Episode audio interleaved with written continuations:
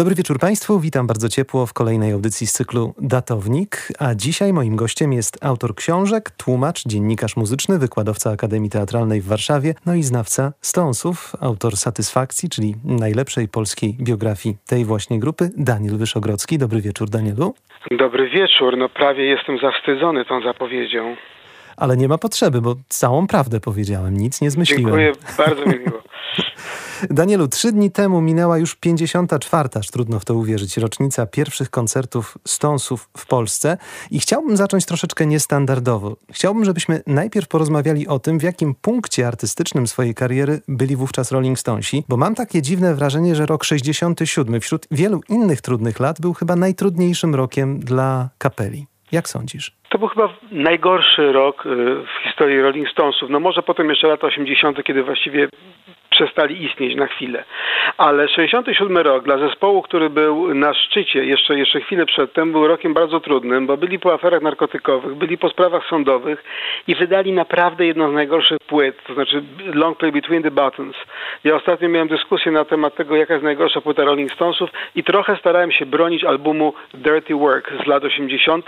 Uważam, że Between the Buttons to jest najgorszy album, jaki wydali, zwłaszcza w tej wersji europejskiej, ponieważ do wersji amerykańskiej dorzucono dwa aktualne single, innymi Let's Spend the Night Together, co bardzo poprawiło jakość tej płyty, poza tym bardzo, bardzo przeciętnej. No właśnie, rok zaczął się od nieudanej artystycznie płyty Between the Buttons, a potem w marcu Stonsi w tych trudnych okolicznościach y, przyrody musieli wyruszyć na trasę europejską. Zaczęli od Szwecji i do Warszawy przybyli w kwietniu, przylecieli przez Wiedeń z Paryża, jeśli dobrze pamiętam, prawda? Tak było i to była też y, jak na Stonsów trasa połowiczna, można powiedzieć, bo była krótka.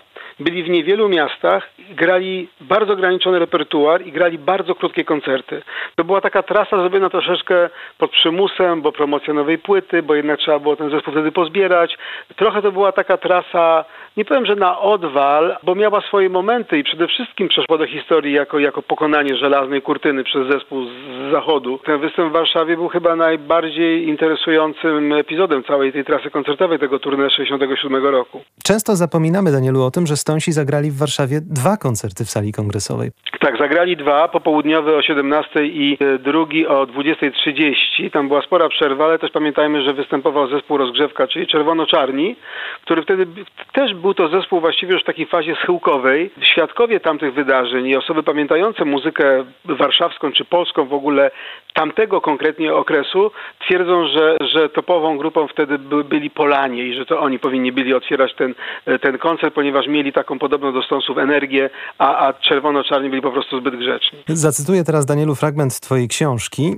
To w Polsce śpiewało się, że 13 każda droga jest prosta, ale 13 kwietnia 1967 roku wcale nie tak prosto było dostać się na koncert Rolling Stonesów do warszawskiej sali kongresowej. W jaki sposób dystrybuowano te bilety i przede wszystkim jakim cudem udało się Stonesów zaprosić? Na ten temat istnieje bardzo wiele legend. Ja muszę zacząć od tego, że jak, kiedy ten koncert się odbywał, to ja miałem 7 lat i nie słyszałem o Rolling Stonesach. Także jest to ten koncert polski Rolling Stonesów, na którym nie byłem. No naprawdę, no nie miałem szans. E, naczytałem się i nasłuchałem się. Jest mnóstwo mitów. Ten koncert Stonesów w sali kongresowej pod względem e, otaczającej go dzisiaj mitologii to przypomina troszeczkę Woodstock e, 69 w Ameryce, kiedy po prostu z roku na rok tych osób, które były w Woodstockie stawało się coraz więcej. Ja, ja znam wiele osób, nawet znam takie, które twierdzą, że były na obu tych koncertach. Pytałeś o bilety. Były rozprowadzane no powiedzieć tak, jak to się upraszcza przez komunistyczną partię, no to jest nie do końca prawda. To były agencje typu Pagard, które oczywiście były, były państwowe. Y, oczywiście była pula biletów dla towarzyszy, oczywiście była tam bananowa młodzież, ale część tych biletów była sprzedaży, można je było załatwić.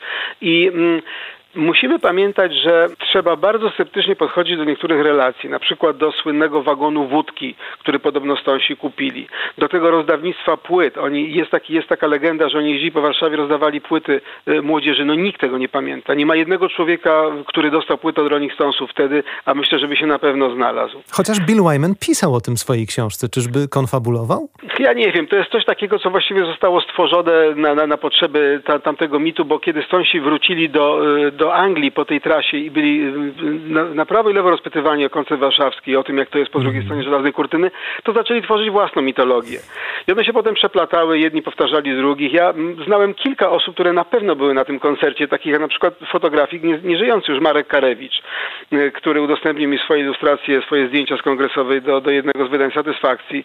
No i on też opowiadał niestworzone historie, mimo że na pewno był tam, bo przecież robił zdjęcia. Wydaje mi się, że, że to był taki koncert, który trochę się zdarzył przypadkiem, bo przecież jest teoria, że w ostatniej chwili został odwołany koncert w Moskwie, tylko dlatego udało się nam e, tutaj Stonsów sprowadzić do Polski. Jest teoria, że e, wnuczka, siostrzenica, bratanica Władysława Gomułki, ówczesnego pierwszego sekretarza PZPR, poprosiła dziadka. Też mi się to wydaje mało wiarygodne. Stąd się dogadali po prostu z organizatorem tras koncertowych w Polsce, czyli z Pagartem. Był taki wakan. Nie byli pierwszym zachodnim zespołem w Polsce. Wcześniej byli Animalsi, prawda? Wcześniej byli Animalsi, tak. Przyjeżdżały takie zespoły jak Artwoods, potem w 70 latach było ich jeszcze znacznie więcej, ale też były to lata chude dla polskiej, dla polskiej sceny, jeżeli chodzi o artystów zachodnich i właściwie pamiętamy te koncerty, bo, bo to były pojedyncze wydarzenia, takie jak Eric Clapton w kongresowej już znacznie później, czy, czy zespoły takie jak Blast Within Tears. No to, to, był, to, były, to były wydarzenia, ale to była też rzadkość. Mogę mhm. powiedzieć anegdotę? Oczywiście, proszę bardzo. Dokładnie w dniu 50-lecia tego koncertu, czyli w 2017 roku, 13 kwietnia, zostałem zaproszony do kinoteki w Warszawie. To jest kino på sånne tak blisko sali kongresowej, Jak że tylko bliżej się nie można. Tak, że bliżej nie ma żadnego kina, bo to jest w tym samym budynku. I był tam ze mną mój kolega dziennikarz Piotrek Stelmach, no i mieliśmy e, wprowadzić widownię, e, taką wygłosić rodzaj prelekcji przed pokazem, który otwierała kronika filmowa ze Stonesami, a potem był już normalny film z trasy koncertowej Rolling Stonesów. Było to bodajże Ole, Ole, Ole, ten z, z trasy południowoamerykańskiej.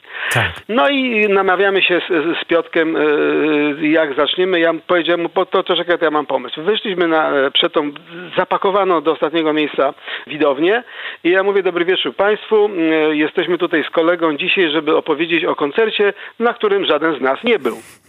I w tym momencie z, z publiczności głosy. Ale ja byłem, ja byłam, ja mam bilet, przyniosłem zdjęcia. Okazało się, że w ogóle było tam bardzo wielu naocznych świadków.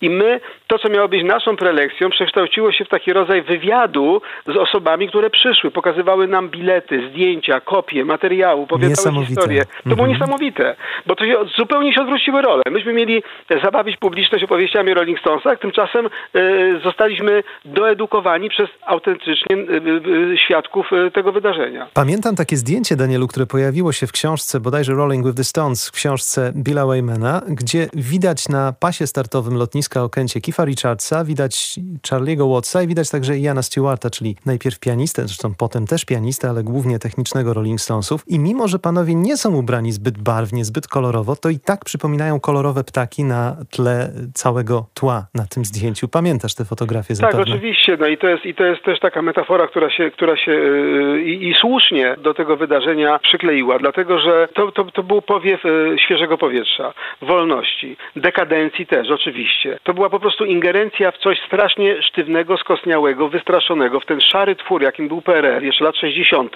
No nie, nie było to może państwo jakieś mega totalitarne w sensie Korei Północnej, natomiast było to państwo, no mówiąc krótko, zniewolone, y, smutne, biedne, bo to należy podkreślić. Młodzież nie miała takich atrakcji, na jakie by chciała liczyć i raptem się okazało, że przyjeżdżają